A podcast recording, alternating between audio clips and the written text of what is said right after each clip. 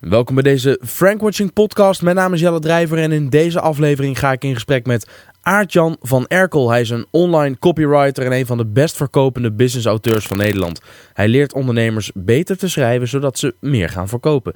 Zijn bestseller Verleiden op internet beleefde herdruk na herdruk en werd ruim 10.000 keer verkocht. En nu is er het nieuwste boek Maak ze gek. Hoe je opvallend veel klanten trekt met online marketing. Oh my god, what the fuck staat er voor op de kaft door de auteur van Verleid op internet. Nou, ik ben super benieuwd. In deze podcast ga ik dus in gesprek met Aart-Jan en ik lees voor nu alvast de achterkant van zijn nieuwe boek aan je voor. Veel ondernemers klagen dat ze te weinig klanten binnenhalen via internet. Verrassend, want de online bestedingen groeien gigantisch. Voorkom dat je concurrenten met jouw klanten aan de haal gaan. Onderscheid jezelf met super aantrekkelijke marketing op internet.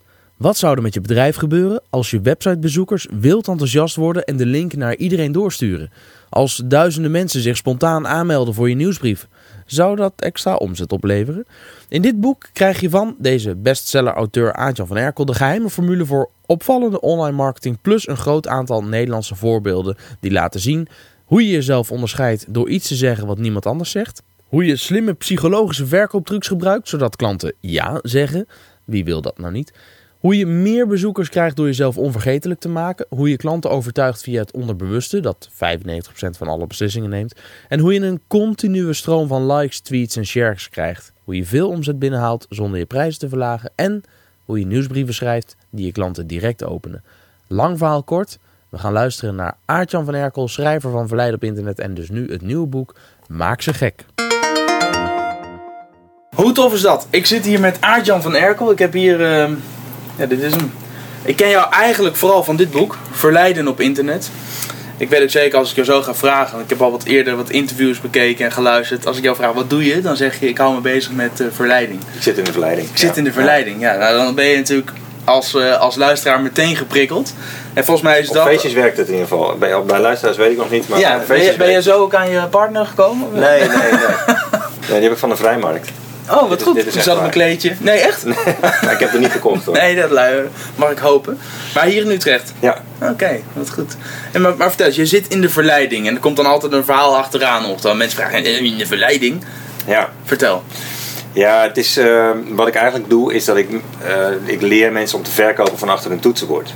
Dus hoe zorg je ervoor dat je, dat je iets tegen klanten zegt of iets tegen klanten schrijft, waardoor ze denken van, what the fuck, ik word hier helemaal blij van. Ik wil, ik wil hier meer over weten of ik, word hier, ik, ga hiervoor, ik ga doorklikken. En dat is iets dat, eh, vooral op internet is dat een skill die eh, ja, nog niet zoveel ondernemers hebben omdat ze, tenminste, als ik kijk naar websites van ondernemers, daar ontbreekt het vaak nog aan. We zijn heel goed in het informeren van onze klanten over wat we doen en hoe we dat doen. Alleen klanten echt blij maken, dat ze echt gek worden, dat ze eh, alles om zich heen vergeten en door gaan klikken. Als ze op je website zijn, hè, of op je Facebook kanaal, eventueel op je so- social media kanalen. Ja, dat komt niet zo vaak voor. En ja, het is nu wel weer tijd voor de next level. Op internet zijn er natuurlijk, ja, we zitten allemaal op internet, we hebben allemaal een site en we doen wat op social media. Hoe zorg je ervoor dat je er dan weer bovenuit gaat steken? Ja, en in dit boek heb je het onder andere over. Ik heb dit eh, boek met eh, onze eh, stagiaire eh, eh, Jaron destijds besproken. En, en een van de elementen die hier heel duidelijk terugkomt is die, de banaan op je Ja. website.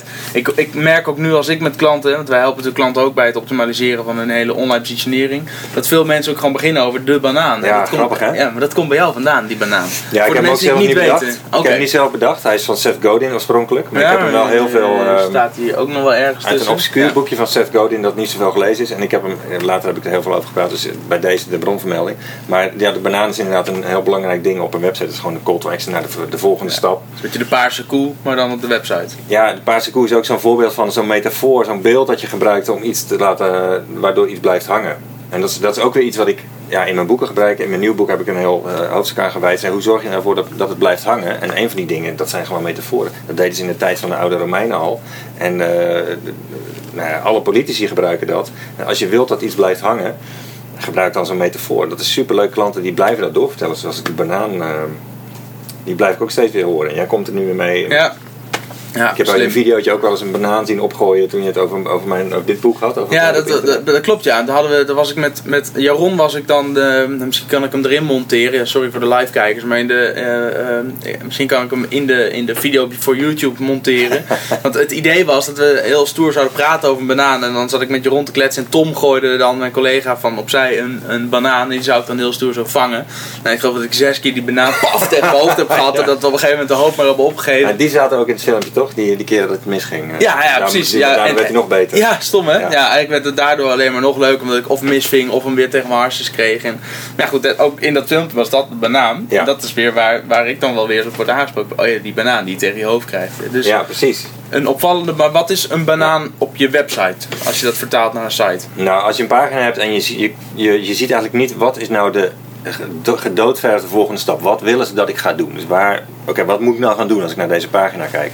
Als dat ontbreekt, als er dus niet een hele duidelijke volgende stap is, een hele duidelijke uh, actie die uh, naar voren is uh, getrokken, ja, dan, dan loopt die pagina eigenlijk meteen dood. Ja. Dus dan kunnen mensen wel op die pagina komen, via je navigatie of via Google, maar ze kunnen er niet meer vanaf. Ja. En dan, dan gaan ze dus weer terug naar waar ze vandaan komen en dan, gaat je bounce weten. Ja, het moet super duidelijk zijn als mensen op een site komen wat de bedoeling is op die pagina. En het voorbeeld wat jij in je boek hebt aangehaald, wat ik nu bij klanten ook altijd leen, is firefox.com. Als je naar firefox.com gaat, is één scherm in het midden staat gewoon een hele grote, duidelijke groene knop. Ja. En uh, kan geen als ik dat laat zien, zeg ik, wat wil, wat wil Firefox hier dat je doet? Dan zegt ook iedereen, ja, downloaden of installeren. Ja.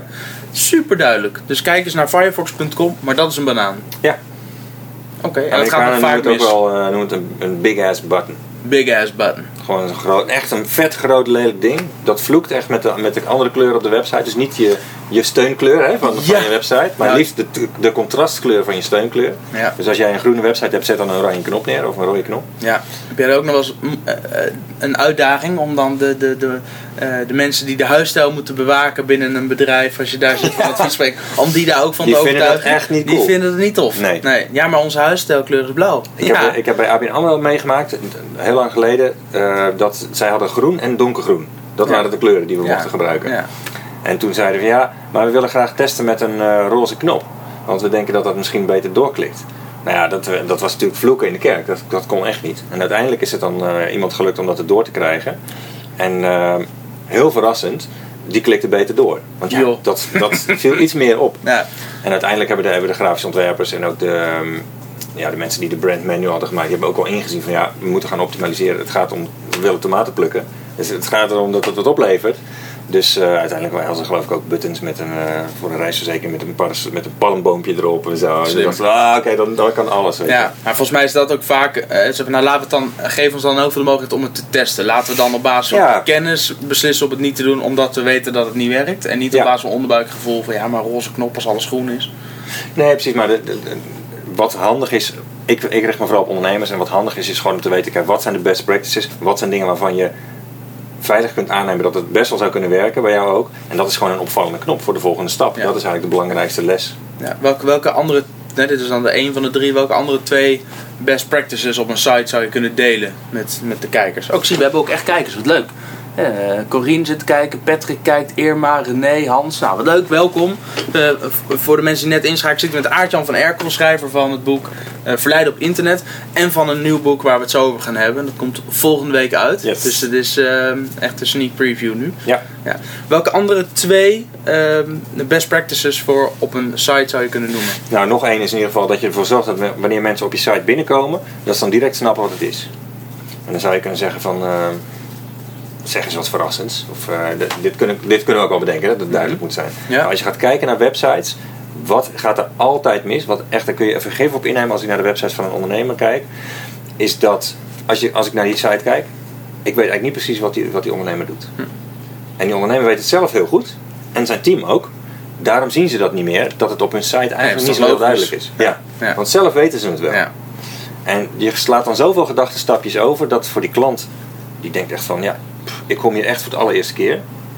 Jongens, ik weet niet precies wat jullie doen. En dit Ja. is echt de grootste fout die op, niet alleen bij eh, ondernemers gebeurt, maar op heel veel websites. Als je op de websites van de NS kijkt, daar dat vind ik altijd een heel leuk voorbeeld.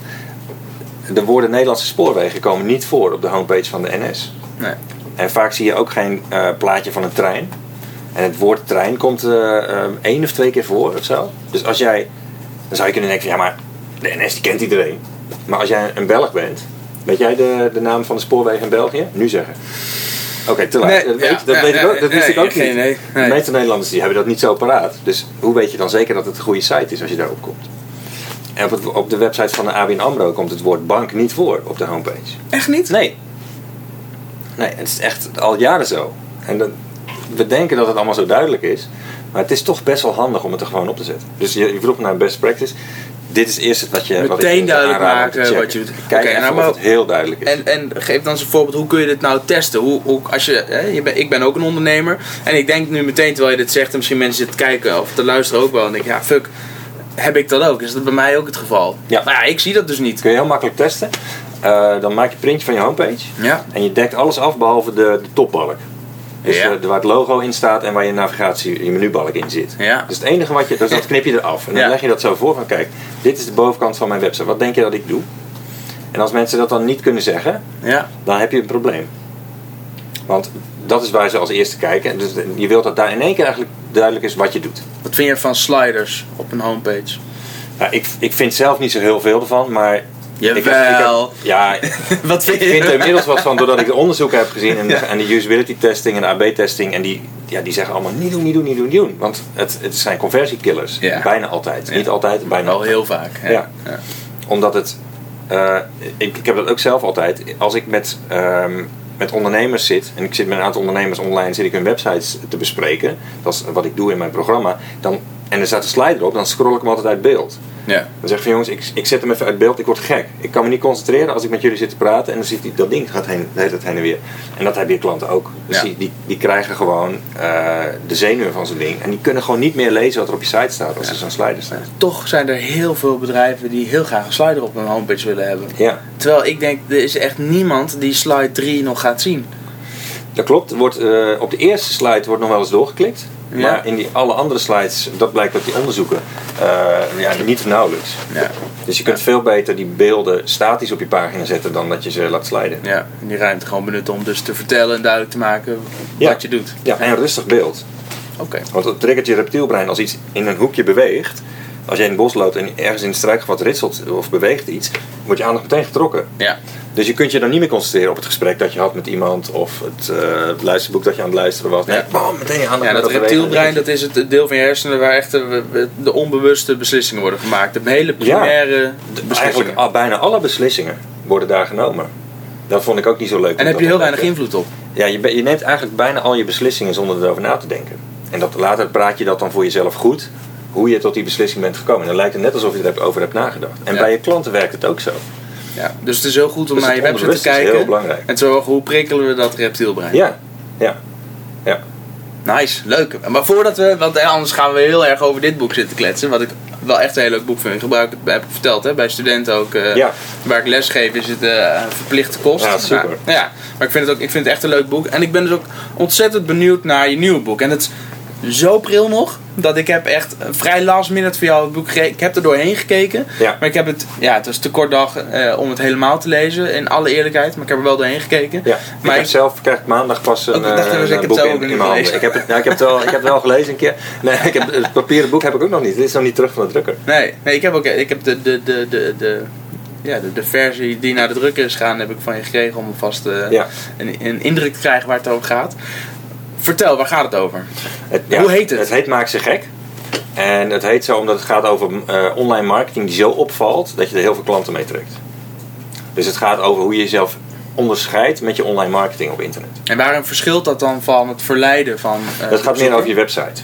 Dit, dat uh, Verleiden op internet is uit 2011. Ja, Toen was ik ehm, veel minder bezig met eh, online marketing.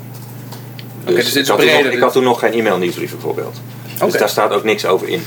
Dit, dit nieuwe boek gaat, over, gaat veel meer over online marketing en minder over je website. oké. en dan moet ik denken aan. eh, je hebt een website, maar daaromheen zit nog van alles meer: social media, eh podcast, Ja, podcast, de, andere, YouTube, de andere video. plekken op internet waar jij te vinden bent. Ja. Hoe maken wij onze doelgroep nou gek? Nou, er zijn, eh, wat je wilt is eigenlijk dat, ze, dat je onvergetelijk wordt als ondernemer. Ja, dus, dat zou ik te gek vinden. ja. Ja. dus dat ze, als ze ooit zaken met jou hebben gedaan, dat ze dat nooit meer vergeten. Of dat ze eh, al zo vaak van jou gehoord hebben, dat, ze, dat ze zaken met je willen doen. Dus je wilt eigenlijk eh, er zo uitspringen op internet dat mensen denken van ja, dat lijkt me gewoon leuk om met die ondernemer te gaan werken of om daar of om dat artikel te kopen. Dus op die dus jezelf onvergetelijk maken, dat is een soort van ehm, ja, op internet is dat nu de uitdaging. Want nu, nu iedereen heeft nu eh, aandacht besteed aan zijn website. We proberen allemaal iets op social media te doen. Hoe ga je nou weer, hoe kom je nou weer bovendrijven? Hoe kun je jezelf weer onderscheiden? Nou, kom maar door, want ik, ben, ik kan niet wachten. Nou ja, een van, de, een van de dingen die je wilt doen is een van de grootste problemen die ik zie op internet bij, bij bedrijven, bij ondernemers, is dat ze ehm, eigenlijk meeblaffen met de rest. Dus je, je ziet die website en je denkt, je denkt van ja, ah, leuke website, maar dit, dit soort dingen heb ik al vaker gehoord. Niet dat je denkt van, goh, dit is fris, dit is helemaal nieuw, dit, is, eh, dit klinkt heel anders. En je zegt klinkt, dus dan heb je het met name over copy. Ja, ik, heb, ik vind het, mijn invalshoek is altijd copywriting. Dus copywriting is het schrijven van, van teksten die het gedrag beïnvloeden van de lezer. Zoals je dat in reclame hebt, op abris of in, eh, of in commercials. Dus, maar ook op internet, op je website, in banners, in nieuwsbrieven. Dus hoe schrijf je iets waardoor het gedrag wordt beïnvloed van de lezer? Waardoor hij iets gaat doen, waardoor hij gaat klikken of waardoor hij iets gaat vinden of waardoor hij iets juist niet gaat vinden. Hoe zorg je ervoor dat er iets gebeurt? Dat is copywriting en dat is altijd mijn invalshoek. Dus, en ik vind het ook de leukste, nou, het is in ieder geval een hele leuke invalshoek, omdat het voor je uh, copy is heel makkelijk aan te passen. Op je website is de tekst, is, dat is het makkelijkste aan te passen. Ja. Uh, dat is veel makkelijker aan te passen dan functionaliteit of beeld of techniek of interactie of video. Um, maar ook op social media. Social media draait ook voor een groot deel op, uh, op tekst, op copy. En, um, dus je kunt er heel veel mee doen met weinig middelen. En ja, daarom vind ik copywriting een hele leuke invalshoek. En ook veel ondernemers die zijn nu, die hebben al geïnvesteerd in een mooie website. Die hebben al uh, inzichten over social media. Maar die komen er nu achter van, oké, maar wat moet ik nou opzetten? En dan komt die copy om, om de hoek kijken. En je krijgt steeds, steeds meer ondernemers die dat inzicht krijgen van... oké, wat ga ik erop zetten en hoe, moet ik die, hoe ga ik mijn klant verleiden? Hoe zorg ik ervoor dat ik onvergetelijk word? En um, dat meeblaffen met de rest, dat, dat past daar dan niet meer bij. Toch hoor je ook veel mensen uh, uh, roepen om vooral meer visuele elementen. Dus juist minder tekst en meer beelden. Terwijl jij zegt, ja maar copy. Ja, dat, daar heb je inderdaad gelijk. Een beeld is ook steeds belangrijker geworden. Social media draaien natuurlijk ook voor een heel groot deel uh, op beeld. Ja, Instagram, Snapchat worden Precies. steeds populairder. Ja, ja. ja, ja. Facebook Live. Facebook Live is ook allemaal visueel. Ja. En, um, maar de, het, uiteindelijk draait het ook om de content. Dus als je alleen maar beeld neerzet, ja, dan daar worden mensen niet zo vrolijk van. De inhoud die het in zich draagt, de video of het beeld of de, de post die je plaatst, dat is hetgene wat uh, ook voor een groot deel het gedrag beïnvloedt. Oké, okay. welke tips heb je nou ten aanzien van copy op je site?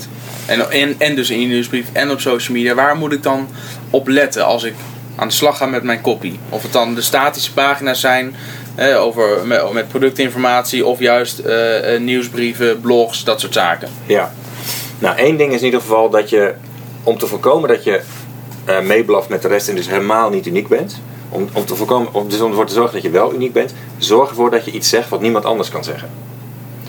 Dus je gaat iets zeggen um, waarbij klanten denken van hé, hey, dit is fris, dat heb ik nog niet eerder gehoord. Wat kan jij nou zeggen over jouw business wat echt niemand anders zegt? Er zijn heel veel mensen die in kopie zitten. Ja. ja, wat ik altijd zeg is dat ik, ik zit in een verleiding en ik doe ja. het op internet. Ja. Dus ja, dat hoor je ook niemand zeggen. Tenminste, uh, niet veel mensen, inmiddels wel een paar, maar dat is. Ik heb toen ook geprobeerd om daar een frisse invalshoek voor te vinden. En dat, dat ik ging helemaal niet iets anders doen, maar ik ging het alleen anders noemen. Anders verwoorden. Ja. En dat, dat is, vind ik ook het leuke. Kijk, je kunt natuurlijk je hele businessmodel overhoop gaan gooien, of echt een heel nieuw product gaan ontwikkelen, of een nieuw concept, een nieuw concept lanceren, of een start-up. Maar je kunt toch gewoon kijken naar wat je al hebt. En zien wat je met, met copy en met, je, met de invalshoek waar je ermee naar kijkt, kunt doen om ervoor te zorgen dat het weer uniek wordt. En dat vind ik leuk, omdat dat, ja, dat is minder ingrijpend. Kun je sneller mee uh, live gaan. En uh, ja, het heeft, het heeft ook met creativiteit te maken. Ik vind het wel leuk om, uh, om de, de luisteraars van deze podcast en ook de kijkers op YouTube en op Facebook Live uit te dagen om daar eens over na te denken. Dus ook om ze uit te dagen om eens voor hun eigen business op een andere manier te verwoorden wat ze eigenlijk doen, zodat ze er uitspringen met die, Ja. met die, met die one-liner als het ware. Ja. En omdat dan, in het geval van Facebook Live kunnen ze het meteen delen, maar als mensen op YouTube kijken, zet het in de comments of stuur het op Twitter aan Jelle Drijver. Of ehm, eh, nou ja, eh, deel het in elk geval en tag mij er even in. Want ik ben heel benieuwd. Want ik, vind het, ik zit ook meteen zelf te denken, ja, hoe kan ik nou wat ik doe anders omschrijven zodat het er echt uitspringt. Ja. Kom er vast wel op, maar het is, niet, het is wel iets wat, wat je moet er even over nadenken. Ja. Ja, dus kijkers, denk daar eens over na, luisteraars. En laat eens weten wat jullie hebben bedacht. En misschien wil uh, Aart-Jan er dan nog wel eens een keer op schieten in een soort uh, Ja, leuk. terugkijksessie of zo. Ja. Kijken wat we hebben binnengekregen. En verder in je boek, maak ze gek. Ja, nou en dat is het één ding. Eh, het, het volgende ding is, eh, wat, wat je heel veel bedrijven en ondernemers ziet doen, is dat zij vertellen in hun marketing van wat ze, eh, wat ze, eh, welke oplossing zij leveren. Dus ze vertellen, soms noemen ze het ook zo. Hè? Ja. Eh, vooral in de, de technische bedrijven hebben het vaak over oplossingen die ze verkopen. En ehm, wat, wat we nu weten over hoe mensen beslissingen nemen, eh, is dat wanneer je het hebt over oplossingen, dat eh, op basis daarvan wordt zelden een beslissing genomen. Maar wat, wat, wat, wat levert het mij op? Wat is het resultaat? Of wat is, wat, wat, Nou waar ja. wordt dan die beslissing opgenomen? Het is, eigenlijk worden er twee stappen vergeten. Als je vertelt van nou, dit is de oplossing die ik lever, dan vergeet je welk probleem lost het op. Dus als jij gaat beginnen over het Ja, probleem. ben- veel mensen benoemen het probleem überhaupt niet. Nee. Praten alleen maar over de oplossing. De meeste ondernemers die vinden het niet leuk om het over het probleem te hebben van de klant. Die, bijvoorbeeld Ja. omdat ze denken, ja, dat is best wel confronterend voor mijn klanten. Of het is gewoon niet zo leuk om, daar, het, om Ja. daarover te hebben of daarover te schrijven, want dat, dat is negatief. Ja, als je die pijn omschrijft, dan, herkent kracht. iemand zich Ja, erin. Ja. Precies, Nou, dat, dat probleem heb precies. ik ook. Dat is het precies. Die klant, als, als jij precies het goede probleem noemt, dan denkt die klant van, hé, hé, Iemand die mij begrijpt. eindelijk iemand die mij begrijpt. En dat, vaak willen ondernemers dat niet, die hebben daar weerstand tegen. Of die denken dat het niet werkt. Of dat klanten dat vervelend vinden. Of ze vinden het zelf niet zo leuk. Eh, terwijl die klanten vinden, die voelen empathie. Die denken van, ah, deze ondernemer Ja. die begrijpt mij. Ja, En dat is vaak ook als je een klik hebt met een ondernemer. Is dat hij altijd precies het juiste zegt. Waardoor jij denkt van, jij snapt het weer. Je hebt het weer helemaal goed begrepen. En vaak heeft hij het dan gewoon over het probleem. Dan vraagt hij gewoon een beetje door op jouw probleem. Dus als je, en ook als je kijkt in eh, dingen die populair zijn. In de eh, filmseries. De, de populairste series op Netflix. Als je die aanzet. Wat wat er aan het begin meteen gebeurt. Is een, is een moord bijvoorbeeld. Ja. In, in een detective serie of in CSI of wat dan ook. Het eerste wat je ziet is dat er bloed vloeit. Of dat iemand heel bang is of wordt achterna gezeten en wordt vermoord. En dat is niet voor niks. Ze beginnen niet met het oplossen van de moord. Nee, ze beginnen met de moord zelf. Want dan ben je meteen hoekt. Je, wilt meteen zien, wow, je, je reptielbrein is meteen geactiveerd. Want dat denkt, wow, en dreigt gevaar. En het, ja, het, het, het reptielbrein zorgt ervoor dat jij overleeft. Dus is altijd eh, geïnteresseerd in problemen. Ook problemen van een ander.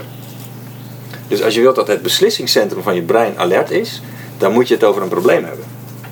En dat zie je in, in CSI en, andere, en alle andere populaire series. Je ziet het in de, de, nieuwste, de laatste James Bond film begon ook, ik weet niet of je nog weet, Spectre in, Ja, Mexico, in Mexico City met al die maskers het en- plein, ja, en dat, dat ze bijna meteen. neerstort op een plein Ja. met duizenden mensen. De eerste tien minuten zit je hoog in de adrenaline. Begint meteen met een probleem.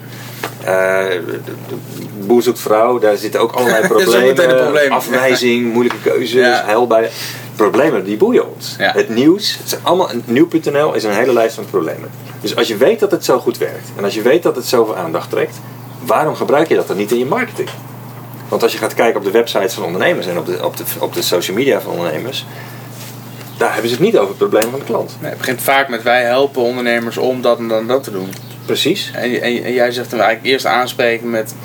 Vind jij het ook zo irritant dat, zo, zo, zo? Ja, welk probleem los je nou op? Ja. Ja. Oké, en verder. Want het is een boek...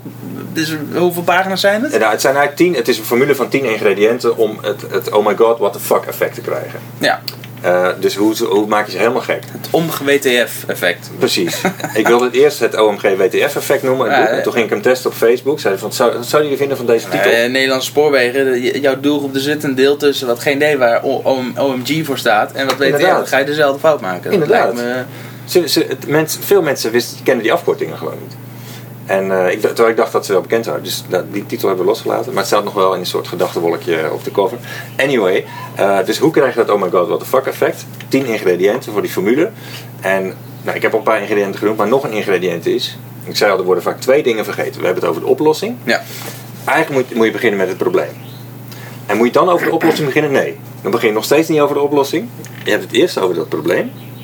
En vervolgens eh, zeg je wat de consequenties zijn van dat probleem. Ik had bijvoorbeeld laatst een klant, een ondernemer in mijn trainingsprogramma, en die zei, die had een geweldig zinnetje over, ge- gesproken over, je gaat iets zeggen wat eh, niemand anders zegt. Zij had een of ander product voor de vrouwelijke huid, van de oudere vrouw. Eh, iets wat je erop smeert waardoor het collageen wordt aangevuld. En dat is, het collageen is, iets, is een stofje dat wegtrekt uit de huid na, nadat een vrouw in de overgang komt. Oké. En daardoor wordt de huid slechter. Dat kun je natuurlijk zo uitleggen, nou prima. En dat doen de meeste schoonheidssalons en, en van die producten doen dat. Wat zij zei was een briljant zinnetje.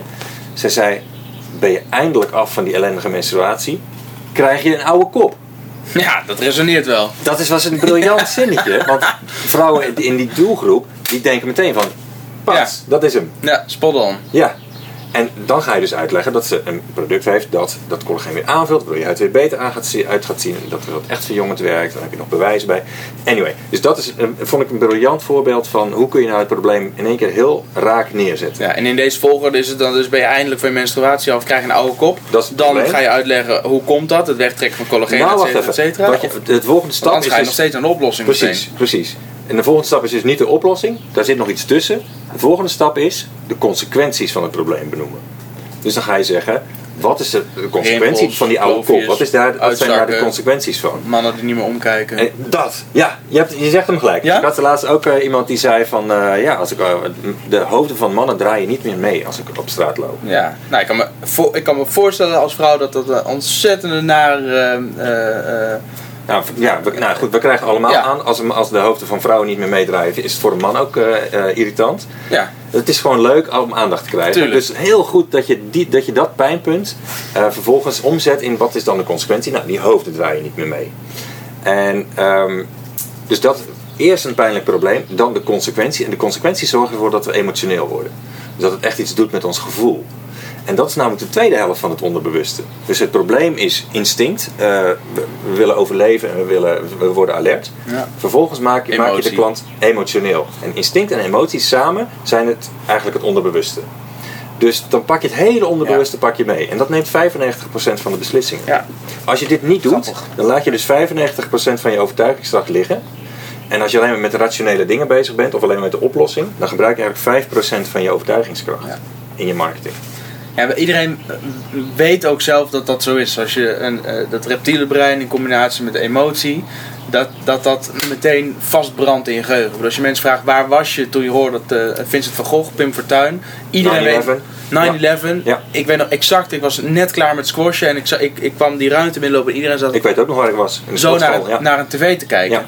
Iedereen weet nog waar dat was. Ja. En dat is omdat die twee factoren op zo'n moment gecombineerd worden en dat brandt gewoon meteen in je geheugen Heel en goed laat punt. je nooit Ja, meer los. dat is inderdaad het, eh, schrik Nou, en, voor- en emotie voor, tegelijkertijd. eh, voor de herziene druk. Ja, precies. ja. was jij toen.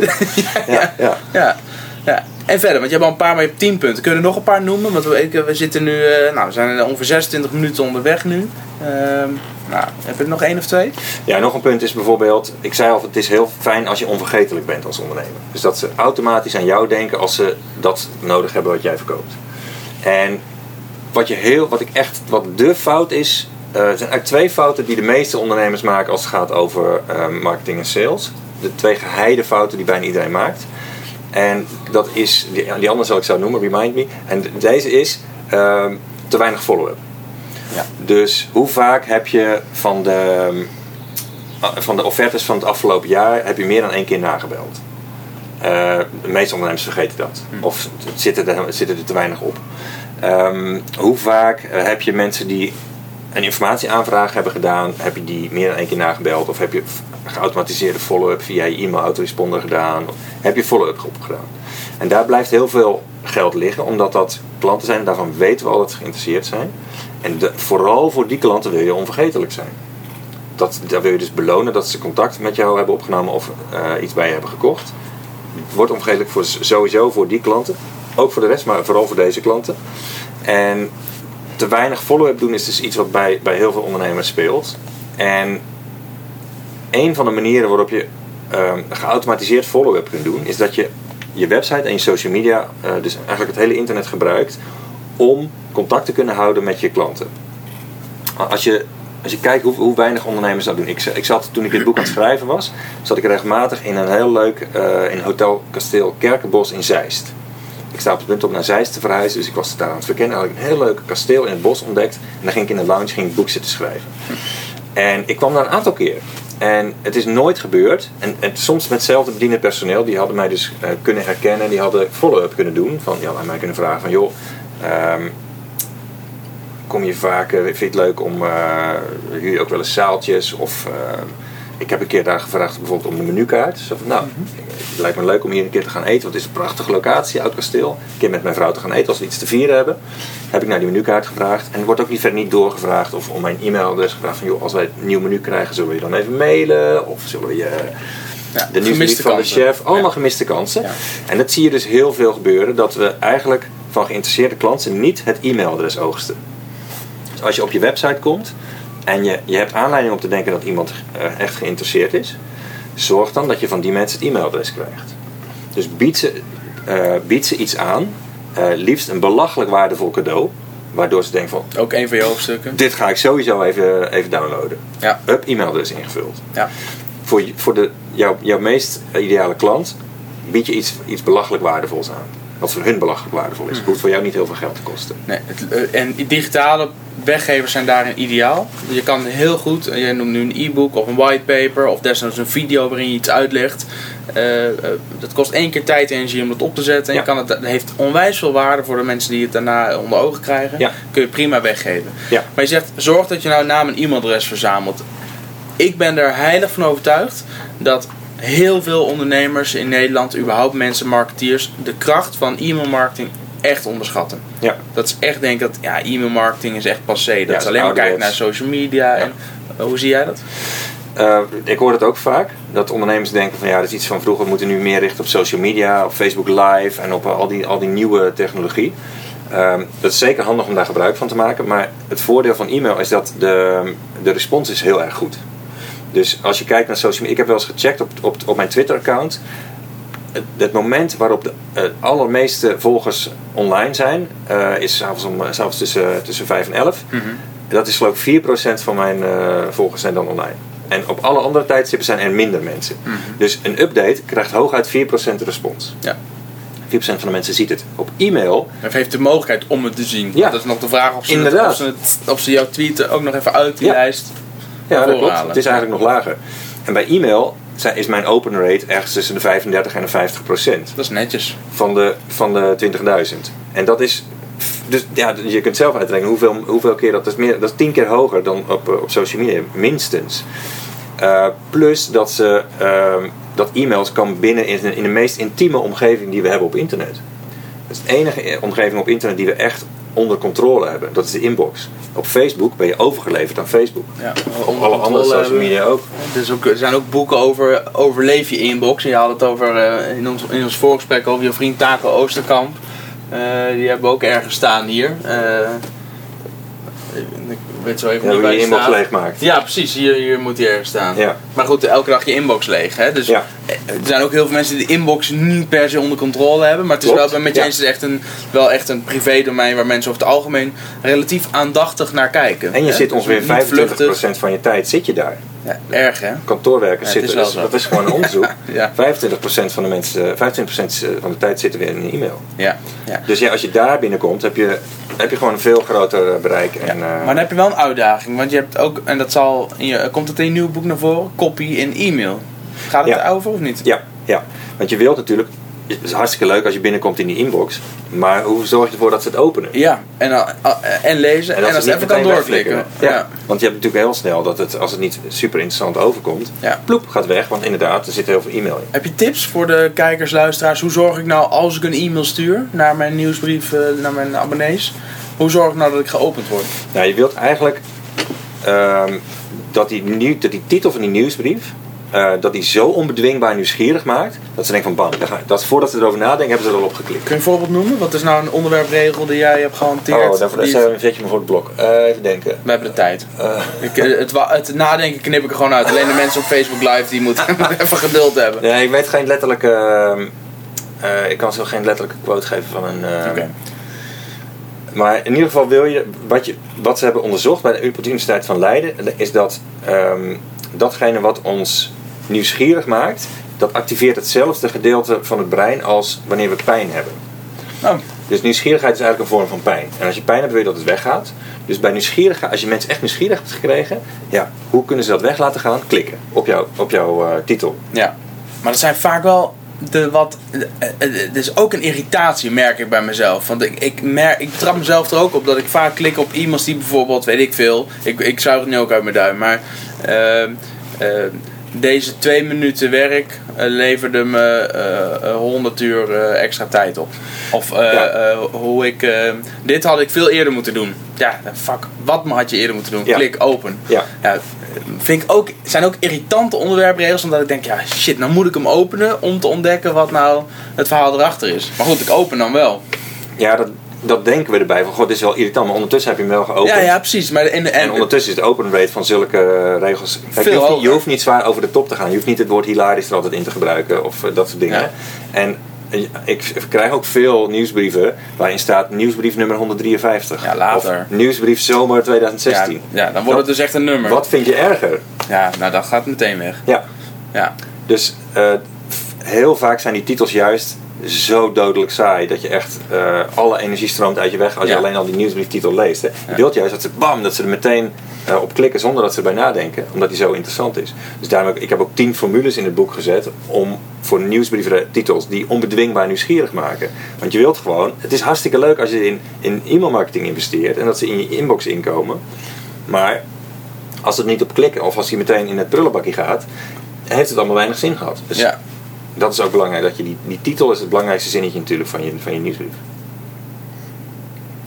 Ja, je, hebt het, je noemde het net over eh, de opvolging, zorgen dat mensen weer terugkeren. Ja. Waar ik, eh, e-mail superkrachtig, maar ook retargeting bijvoorbeeld, is iets waar we nu veel mee aan het testen zijn en, en waarbij de resultaten ook super mooi zijn. Iemand die doorklikt op een e-mail en op een bepaalde pagina komt, of vanuit social media op je pagina komt, of via Google AdWords op je pagina komt, vanuit verschillende kanalen komt iemand op je pagina die onderneemt ofwel actie Ja. of geen actie. Ondernemen ze actie, dan komen ze op een bedankt voor het feit dat je actie hebt ondernomen pagina. Ja. En komen ze, eh, ondernemen ze geen actie, dan gaan ze weer weg of ze gaan naar een andere pagina. In Facebook kunnen we gewoon retargeting campagnes opzetten. Waarbij we zeggen, als mensen uit een e-mail op deze pagina zijn gekomen, dan weten we dus, dan hebben ze de e-mail hoogstwaarschijnlijk in elk geval gedeeltelijk gelezen. Dus die inhoud kennen ze al. En, ehm, en dan komen ze op je pagina en dan ondernemen ze volgens geen actie. Dan zou je op Facebook kun je precies retargeten. Dat je alleen maar die mensen deze advertentie wil laten zien. Terwijl als ze vanuit social media op je pagina zijn geweest, waarbij het veel vluchtiger is en ze de inhoud van de mail nog niet kennen, laat je een andere advertentie zien. En zo kun je de mensen heel Hele gericht, follow-up, ja. super slim. En toch Ja. wordt het heel weinig gebruikt. Ja. Jouw boek komt uit op welke dag? Op 7 juli. Wat ook uitkomt op 7 juli is een, een nieuw product. En daar heb ik ook een podcast over opgene- opgenomen. Dus die ga ik. Ik denk dat we gewoon er niet aan ontkomen om twee podcasts in één week te publiceren. en dat is, als je daar meer over wil weten, eh, kijk op jelledrijver.nl slash retarget. Daar, eh, die link zal ik straks even inrichten. Maar er staat van alles eh, over die nieuwe tool. Dus van Wilco de Krij, ken je die? De naam komt wel bekend voor. Internetondernemer heeft onder andere UpViral gemaakt en nog een aantal Oh ja. tools. Ja. En die heeft het, want het is namelijk in die Power Editor van Facebook best wel lastig om dat allemaal te regelen. Ja. En wat hij heeft gedaan, heeft een super simpel dashboard gemaakt waarbij ze echt kan zeggen: oké, als iemand op deze pagina is geweest en 25 of 50 of 75 procent naar beneden heeft gescrolld, dan kun je dus zelfs als iemand 25 procent heeft gescrolld, dan eh, eh, eh, hoort hij in die doelgroep. En als iemand 75, dan is hij echt geïnteresseerd. Ja. En dan weet hij al wat erin staat waarschijnlijk. Dan moet hij deze advertentie zien. Dus hij maakt het heel Goed. makkelijk. Ja, dus ook op 7 juli komt, komt die tool uit. jelledrijf.nl slash retarget. Dan eh, als je er meer over wil weten. Ja, retargeting, opvolging, eh autoresponders in je e-mail. Ik, ik ben het er helemaal mee eens. Ja, En het zijn de kansen die heel veel mensen nu nog laten liggen. ja. Ja, follow-up is een, een van de dingen die, die bijna altijd misgaan. En, en nog dat andere ding wat Dat ook bijna altijd twee, misgaat, precies. dat is dat eh, als ondernemers te weinig testimonials vragen van onze klanten. Ja, Dus tevreden klant, als je weet dat iemand tevreden is, ja. Ehm, dan niet vragen, ja, ik ben bezig met mijn website, mag ik, een, eh, mag ik wat je net zei of net aan mijn mailde, mag ik dat op mijn website zetten? En als we het wel doen, dan zijn het vaak hoera-verhalen, Ja. waar klanten alleen al een beetje eh, kriegelig van worden. Dat ze denken van ja, dat is een vriendje, betaald. Ja, of daar heeft hij wat voor gekregen inderdaad. ja. Ja. Dus ook bij testimonials, sowieso vragen om testimonials, maar doe, doe het ook op de goede manier en zorg dat een testimonial super overtuigend is. Ehm door dat je een, precies de goede vragen stelt. Je wilt eigenlijk sowieso een klant die een testimonial wil geven, even interviewen. Dus leg de bal nooit bij een klant. En zeg van ja, zou je iets willen typen voor mijn website? Want dan weet je niet wat je krijgt. Dan wordt het vaak heel algemeen. Gaat het reptielbrein of het, eh, het rationele brein van de klant gaat even iets typen. Dat, dat raakt niet. Je wilt ze even interviewen. Je wilt precies. Ik heb vijf vragen in het boek staan waar je precies de goede informatie krijgt. Want één ding, ik kan één vraag wel verklappen. Ja, ik wil zeggen, want we moeten niet alle vijf delen. Want denk ik, mooi over het boek niet meer. Maar noem dus je één wilt of eigenlijk twee. een scriptje gebruiken, gewoon even vijf vragen voor je leggen als je dat interviewtje afneemt. Gewoon aan de telefoon of Skype even opnemen. En de allereerste vraag die je wilt, wilt stellen is: waar zat je nou over te twijfelen voordat je met mij ging werken? Of voordat je mijn training deed, of voordat je dit artikel kocht? Waar zat je nou aan te twijfelen? Ja. Want als, als je klant het dat laat zeggen, dan degene die het leest, die denkt: ja, daar zit ik ook aan te twijfelen. Dat begrijp ik. Precies. Ja.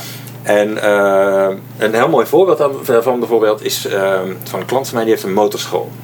En dat, zij rijden op supermoto. Dat is een soort kruising tussen offroad en ehm, wegmotor. En dat doen ze op een circuit en dan doen ze een hele dag eh, doen ze een workshop en dat is super lachen. En zij willen meer vrouwelijke klanten. Alleen, vrouwelijke klanten die denken vaak, maar ja, een zware motor kan ik die wel eh, onder controle houden. Zijn het niet alleen maar mannen die er aan meedoen. Ehm, een motor aantrappen met zo'n kickstarter. Het lukt me dat wel, daar heb je vaak veel kracht voor nodig. Dat soort dingen denken die vrouwen. En daardoor melden ze zich niet aan. Toen hebben zij een vrouw geïnterviewd, dat een klant van mij. Dus ik heb ze gezegd van je moet ze eerst naar de twijfels vragen. En die vrouw die heeft toen zo'n onwijs goed verhaal eh, kwam daaruit. Die zei van ja, ik, ik dacht van tevoren wel, eh, ja, is het niet een kickstarter? Want ja, die krijg, ik- die krijg ik niet aan. Ik weeg maar 55 kilo. Ja. En eh, ja, is niet met alleen maar mannen. Nou, precies die dingen die zei zij allemaal. Hè. Maar ja, toen ging ik die cursus doen. En eh, toen merkte ik, nou, het is gewoon een startknop. Dus eh, dat was een eitje. En nou, ik kon die motor eigenlijk prima optillen als die, was, als die was gevallen. En het was ook wel lekker dat ik niet mijn eigen motor hoefde te gebruiken. En maar gewoon een leenmotor van hun. Dus allemaal van die twijfels die die, die vrouwelijke klanten hebben, die sprak zij uit. Nou, dan kreeg je een testimonial wat- die super relevant was voor En dan herschrijf je dan op basis van het interview. eh, eh, op basis van het interview maak jij dan een tekstje in dit voorbeeld en die schiet je weer terug naar de klant en zegt: Ben je het ermee eens? Heb ik het zo goed verwoord? Is dit wat je. Of hoe doe je dat Eh, dan? je, gaat het niet, nee, je gaat het niet zelf verwoorden. Je gaat het wel aan de klant voorleggen. Maar je pakt eigenlijk uit het gesprekje. dat gesprekje daar ga je zo niet opschrijven. Ja, maar je neemt het op je en neemt het altijd stuur je dan weer terug of Je zo. zorgt dat het een audio wordt. Ja, En uit die audio ga je dan beluisteren. Of je laat hem door iemand uittypen. Ik laat zelf door een stagiair altijd uittypen. En dan ga ik in dat tekstje, in dat Word documentje, ga ik gewoon aanstrepen van wat zijn de zinnetjes die mij raken. Wat doet iets met mij? ja, Alle andere gooi ik weg. Het is hetzelfde als wanneer je bijvoorbeeld vakantiefoto's. Als je duizend vakantiefoto's hebt van een weekje eh, in Griekenland of zo. En je, je, je selecteert de 20 foto's waar je, waar je echt iets bij voelt. En die zet je op je Flickr. Of, of die, die doe je in een album. Dan krijg je een album waarin je echt van, oh, dat was toch een gave vakantie, fantastisch. ja. Terwijl als je ze alle duizend zo door zit te, te swipen, denk je van, ja oké, tien keer dezelfde foto, dan doet het je niet zoveel. Dus dat doe je ook met zo'n interview. Je haalt eigenlijk de zinnetjes eruit die, die echt iets, die een beetje kriebelen in je buik. En daar maak je testimonial van en die stuur je dan nog even terug naar de klant. Ja, precies. Oké, maar je maakt dan dus toch wel een voorzetje naar de klant. Zo Ja, ja, ja. Oké, wat vind je- dit is, heb ik het zo goed verwoord en samen. maar je gebruikt dus niet je eigen woorden. Nee, nee, Door precies. het op te Nee, nemen, Ja, ga je het niet weer in je eigen woorden doen. Ja. Want dan ga je het eigenlijk... Nee, begrijp ik. Maar ik, Vertalen. je helpt al die klant door met zijn of haar eigen woorden Ja. een samenvatting te maken en dat weer even terug te sturen Ja. beter mee eens. Heb ik het zo goed. eh, Ja, eh, maar je wilt de emotie ehm, eh, bewaren die erin zit, in die zinnetjes, in die woordkeuze van die klant. Dus ga je het niet zelf herschrijven. Je gaat alleen selecteren, de juiste emotionele zinnetjes. Adviseer je mij dan ook nu, we zijn 41 minuten aan het kletsen, om dit nu uit te schrijven en daar een selectie van te maken en dit terug te brengen naar bijvoorbeeld een podcast van, eh, van 10 minuten waarbij we alleen maar. Nou, bij een podcast is het natuurlijk het is leuk om een gesprek te volgen. Als je dat zou doen, dan zou het voor een podcast is dat niet geschikt, want dan zou het hapsnap worden. Ja. Je wilt gewoon een, een, een, een geanimeerd gesprek weer beluisteren, achteraf. Maar voor, voor testimonial, je- wat je wel zou kunnen doen, is dat je die zinnetjes inderdaad aanstreept. Van ja, om voor tweets of voor Facebook, Ja. om deze podcast te promoten, Ja. Pak je de zinnetjes eruit waarvan jij denkt van ja, dat, dat roept iets op. En dan een samenvatting van maken en dat bijvoorbeeld in Ja. een one minute Inderdaad. preview en eh, klik hier om het hele gesprek te volgen of zoiets. Ja. ja. Oké, goed idee. Ik, ga even, ik zie, eh, we hebben nog steeds hoop kijken. Ik zag net volgens mij ook een, eh, een vraag. Ach kijk, zelfs Sjoerd zit te kijken. Wat leuk Sjoerd, daar ga ik zo dadelijk naartoe. Wat grappig. Anke Jug, allemaal André Barels, Helene Verkerk, Gerda Baars, Roderick. Aart-Jan, eh, ik heb een Eureka gevoel. Dit is Corine Koert die dit eh, zegt. Hoi Corine. Uh, Arjan, heb een Eureka gevoel. Weet nu hoe ik mijn homepage ga aanpassen. Welke woorden kun je dan gebruiken in plaats van word lid van de community of kom bij onze groep om er extra uit te springen? Zou je eh, Co- Corine on the spot advies kunnen geven? Nee, want ik weet, ik weet helemaal niks van haar business. Ik een beetje, maar ook niet. Ik heb de site niet gebouwd, maar ik weet dat Corine gaat. eh, Die heeft een vrouw aan boord en die gaat met een groepen vrouwen gaan ze eh, zeiltochten maken en of ze gaan badlopen, weet ik niet. Maar wel, het heeft allemaal met nautisch en wandelen en ja. zeilen te maken. Ja. En die groepen zeilende vrouwen, noem ik het maar even, Ja. eh, en, en eh, die wil ze verbinden en daar heeft ze een community van, begrijp ik nu. En zij, haar vraag is dus: ehm, de homepage wil ik aanpassen om eruit te springen. Ja. Eh, welke woorden kun je dan gebruiken in plaats van word lid van de community of kom bij onze groep? En dat- ik snap al wat ze zegt, denk ik, want dat is vrij algemeen. Kom in onze groep. Ja, Ja, ik weet niet of je dat per se zou moeten aanpassen. Word lid van onze community of kom bij onze groep. Maar wat je in ieder geval wilt is dat als jouw doelgroep, je- als die vrouwen op je site komen, dat ze wel meteen snappen wat jij doet. probleem, Wat je, ja, maar consequentie, precies. oplossing. Dat ze meteen snappen wat jij doet. Bijvoorbeeld, een, eh, ik had een klant die, heeft, eh, die organiseert singlesreizen. En het probleem bij singlesreizen is eh, te veel vrouwen. Er zijn organisatoren van singlesreizen eh, die groepen laten vertrekken met 90% vrouwen. Hmm. En die klant van mij die heeft een garantie, of, dat vond hij heel normaal. En daar zei hij eigenlijk niks over op zijn website. Maar hij had altijd een garantie dat het 50-50 was. Dus, en max 60-40 schreef hij het. En alleen daar zei hij niet zoveel over, want hij vond dat heel normaal om dat zo te doen. Totdat hij dat ging zeggen, eh, hij ging met mij werken, totdat hij dat ging zeggen op zijn website, kreeg hij 25% meer aanmeldingen. Door dit en nog vijf andere factoren expliciet te gaan noemen, die zijn reizen anders maakten. Dus het kan zijn, en dat, dat heeft hij ook ontdekt doordat hij respons kreeg van zijn klanten. Maar wat vonden jullie nou heel gaaf? En het kan zijn dat Corine ook is aan de klanten, als je aan je klanten zou vragen van waarom ben je, waarom ben je nou met mij gegaan? En wat, wat vond je nou zo leuk bij mij? Want ze hebben misschien ook wel verder rondgekeken. En die klanten die gaan dan dingen tegen je zeggen. Die kunnen ook zomaar met een zinnetje komen. Vooral als die klant even in, zijn, in haar emotie zit. Als ze echt even in de enthousiasme zit. Daarom moet je ook bellen. Eh, dan komt er een zinnetje uit dat je zelf niet kunt bedenken. En dat kun je dan heel goed gebruiken op je website.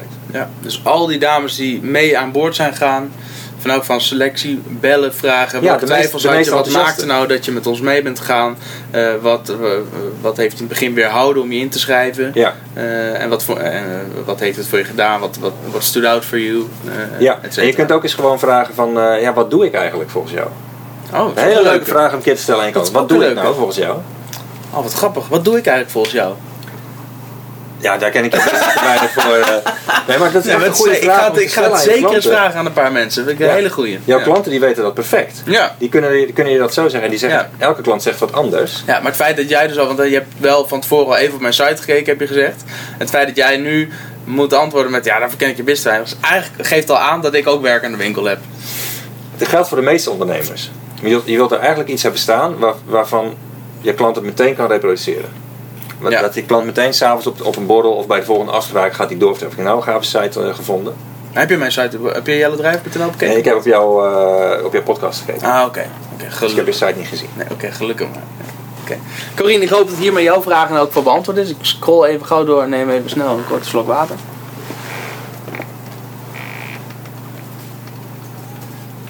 Zo.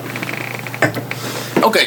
Ehm, ik denk dat we richting, eh, richting afronding eh, eh, moeten gaan. Maar ik zou het wel tof vinden om over een tijdje nog eens een keer nou ja, nog een, een recap te doen of zo. Ja, of misschien heb je, als je straks in, op, in de top 10 staat bij Mansion Book of op nummer 1, dat, je, dat we nog eens kunnen terugblikken en als Ja. je wat meer reacties hebt gehad op je boek. Eh, en als ik hem helemaal van A tot Z eh, goed heb doorgelezen. En ik wil hem natuurlijk ook gewoon hier hardcopy eh, in de kast hebben staan. vanzelfsprekend. Ik heb wel drie vragen die ik in elke podcast terug laat komen. Daar heb ik je be- niet van tevoren gemaild. Maar misschien heb je ze gehoord in een andere podcast. Maar ik ben ook gewoon benieuwd wat het eerste is wat er in je opkomt. Ja. Heb jij zelf, behalve je eigen boeken, een favoriet boek? Of een boek waarvan je zegt, nou daar heb ik wel echt inspiratie uit gehaald. Dat zou een ondernemer moeten lezen. Eh, even denken. Ehm, ja, op dit vlak vind ik in ieder geval eh, Don't Make Me Think van Steve Cook vind ik een hele leuke. Ja, zoals eerder. Dat, is, eh, dat zal niet voor het eerst zijn dat je die hoort. En wat ik daar leuk aan vind is dat hij, hij brengt met humor. En daardoor onthoud je het gewoon beter. Hij is gewoon echt heel grappig. Leuk. Don't make me think. Is er een, een misschien een beetje een dooddoener, misschien gaan we die vraag op een gegeven moment wel een keer uithalen. Heb je ook een succesquote waarvan je zegt dat is echt, zo'n, echt een quote wel waar ik inspiratie uit kan halen of die, die ik aan mensen mee kan geven?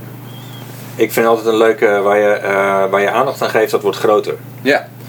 En dat, dat is met alles. Dat is met eh, een, een eh, irritatie met je vrouw. Dus eh, hoe meer je er aandacht aan Hoe meer je geeft, het bespreekt, hoe meer het groter, uitpraten, ja. Of hoe meer, je- hoe meer je erover gaat nadenken, hoe, eh, hoe lastiger het wordt om eh, nog eh, rustig te blijven. Maar het geldt ook voor je bedrijf. Dus ehm, als je bepaalt, als je één ding hebt gevonden, als je dat ding hebt gevonden wat niemand anders kan zeggen of wat niemand anders zegt, je gaat daar veel aandacht aan geven, je wordt daar heel enthousiast over, dan gaat dat rondzingen en dan gaat dat je bedrijf dragen en dan wordt dat hetgene wat, eh, waardoor je ook onvergetelijk wordt. Dus ik vind dat een hele leuke, in, eh, ook in business en in marketing. Oké. En dan de laatste. eh, wat is jouw favorite failure? Ben je nou tijdens het ondernemen de afgelopen jaren op welke manier dan ook wel eens kaart op je bek gegaan? En dan krabbel je als ondernemer overeind en dan ga je natuurlijk gewoon door. Maar dan neem je die fout mee als een les. Is er zo'n voorbeeld waarvan jij zegt, nou dat was echt super vervelend. Maar nee, uiteindelijk heeft het me wel wat opgeleverd.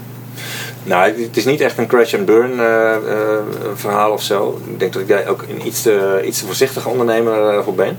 Maar ehm, een van de dingen bijvoorbeeld is dat ik. Ik ben jarenlang bezig geweest met, eh, met, met online marketing, met mijn eigen online marketing. En daarin eigenlijk redelijk terughoudend geweest. Heel eventjes in het begin heb ik, wat, eh, heb ik een boek geschreven en, eh, en, en veel geblogd. En toen ging dat zo goed lopen. Ik dacht van, nou, daar moet ik maar mee stoppen. Want ja, dat, wordt, ja, dat, is heel, dat, is vaak, dat doen vaak. Als iets heel goed gaat lopen, dan, dan stop je ermee en ga je wat anders doen. Eh, ja, Adjan, ik ga jou in elk geval onwijs bedanken dat je eh, hier wilde praten over eh, een stukje je boek uh, Verleiden op internet, maar ook je nieuwe boek Maak ze gek. Ja, op maakzegek.nl kun je een, een sneak preview vinden en, een, en je kunt ook bestellen natuurlijk. Wat goed, top. Oh, en ik zal ook zorgen dat in de show notes een linkje komt naar jouw online, online cursus, online training. Dus die, eh, of jelledrijver.nl slash aardjan maken we ervan. Of jelledrijver.nl slash maak ze gek. Ik zal een paar linkjes eh, klaarzetten die allemaal doorlinken. Dus eh, gaan we regelen. Dankjewel. Top, jij ook bedankt. Bedankt voor de uitnodiging. Ja, Leuk man.